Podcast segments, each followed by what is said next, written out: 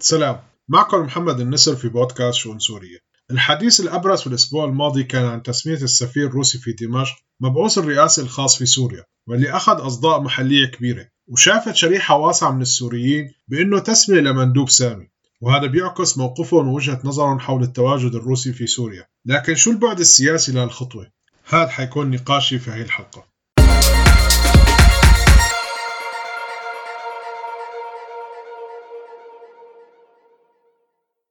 المبعوث أو الممثل الرئاسي الخاص في سوريا ما له مهمة جديدة وسبق تسمية السفير الحالي شخصين قبله وكانت البداية مع مبعوث الرئاسي ميخائيل بوغدانوف يلي هو المبعوث الرئاسي الخاص لمنطقة الشرق الأوسط وشمال أفريقيا يعني الدول العربية. وبنفس الوقت بيشغل منصب نائب وزير الخارجية الروسي. تدرج بوغدانوف بالأعمال الدبلوماسية من زمن الاتحاد السوفيتي وبعده روسيا وتنقل بين سفارات بلاده في اليمن ولبنان وسوريا على فترتين وبعدها صار سفير روسيا في إسرائيل ومصر. وكان ممثل روسيا في الجامعة العربية من 2005 وحتى 2011 وأخيرا كان مدير المكتب الشرق الأوسط وشمال أفريقيا ونائب وزير الخارجية. قبل ما ياخذ مهمة الممثل الرئاسي الخاص في الشرق الأوسط وشمال أفريقيا في 2012 بوغدانوف كانت مهامه في سوريا مرتبطة بعمليات التواصل الدبلوماسي مع المعارضة ونظام الأسد كنوع من مساعي روسيا كما سمتها لإحياء عملية تفاوض وبالطبع الحفاظ على حضورها بالملف السياسي. لكن ما كانت سوريا أولوية لبوغدانوف إنما كانت متابعاته أوسع وأشمل في غير دول.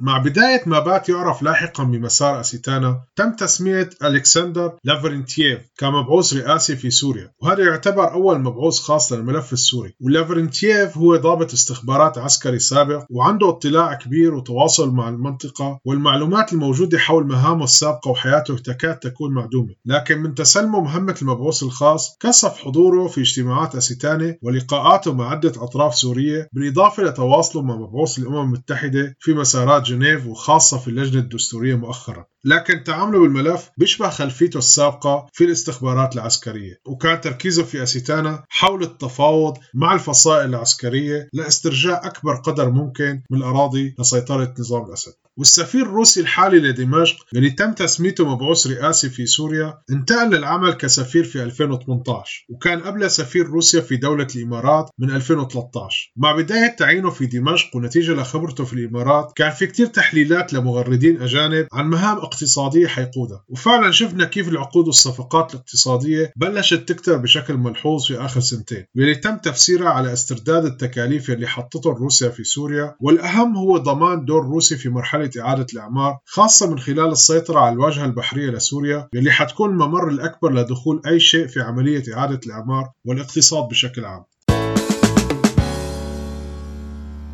الإدارة الروسية للملف السوري بتتوزع بثلاث مسارات. وكل مسار منهم كان يمارس مهام محددة وبيتبع إدارة مختلفة. بالمسار العسكري كانت إدارة الملف من خلال وزارة الدفاع عبر ممثلة في قاعدة حميميم يلي بينفذ مهامه في سوريا بالتنسيق المباشر مع وزير الدفاع الروسي. والمسار الثاني المسار الدبلوماسي كان من خلال وزارة الخارجية واللي كان لها حضور قوي وواضح بين 2011 و 2015 من خلال وزير الخارجية الروسي لافروف. خاصة في بيان جنيف واحد وقرارات مجلس الأمن حول سوريا والتواصل مع مبعوثي الأمين العام للأمم المتحدة لوقت ما تراجع حضور وزير الخارجية لافروف وابتعاده عن الواجهة ويلي يعتقد أنه مرتبط بترتيبات داخلية في روسيا. والمسار الثالث كان من خلال المندوب الرئاسي يلي كان محصور دوره بالحفاظ على حضور روسي بالملف التفاوضي والحل السياسي في سوريا. ومع المندوب الثاني كان في توسيع صلاحيات وأخذ دور وزارة الخارجية لإدارة جولات الأسيتانة والملف التفاوضي التفاوضي وما يسمى باللجنة الدستورية. ومثل ما ذكرت قبل شوي كانت هاي المرحلة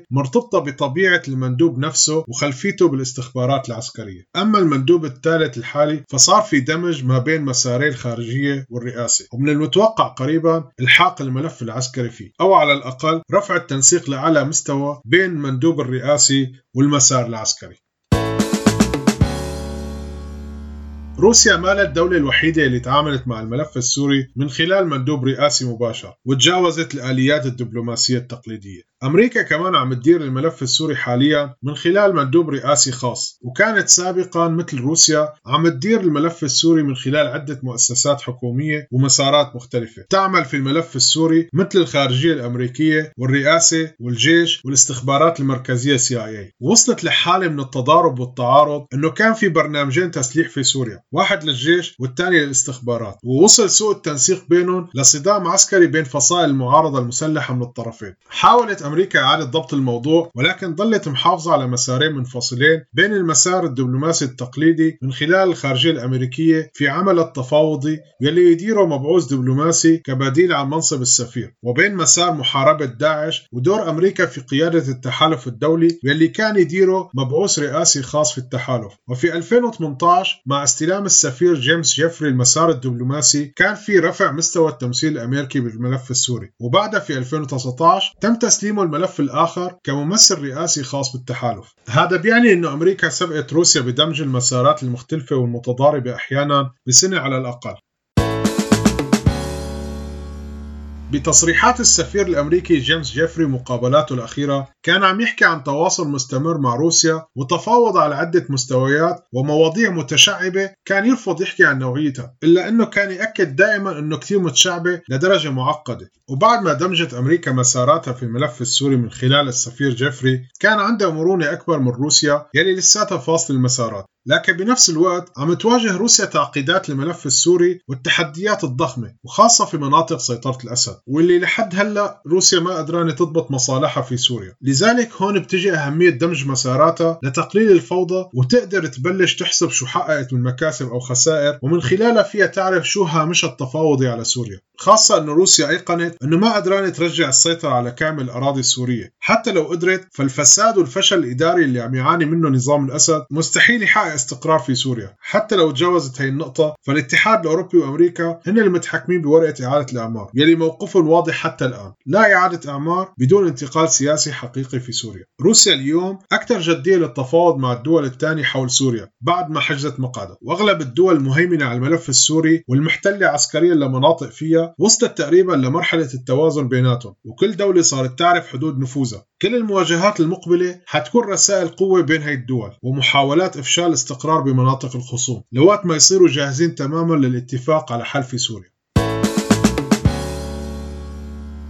تجاوز التقاليد الدبلوماسية وإدارتها عبر المندوب الرئاسي كتير دارجة مؤخرا ويطلق عليها الدبلوماسية المباشرة. وظهرت أكثر شيء في الدول اللي عم يديرها أشخاص شعبويين مثل ترامب وأردوغان وبوتين. وعم تعطيهم مرونة تفاوض وسرعة تجاوب مع الأحداث ويمكن من سوء حظنا أنه أكثر شيء بيستعملها في عالمنا الحالي هن الدول اللي عم تقرر عن السوريين واللي عم تخلينا ننام على حال ونفيق على حال تاني بحسب مزاج الرئيس الفلاني لما اتصل مع الرئيس العلاني. ورغم أنه إعلان الحرب وتوقيفه في سوريا صار مرتبط بمزاج رؤساء هي الدول لكن قرار السلام لساته قرارنا يلي ما فينا نحققه إلا لما نسترجع سيادتنا ونتصالح مع محيطنا ونطرد القتلة من بيناتنا بشار الأسد وكل شيء مشي على دربه. دمتم بخير.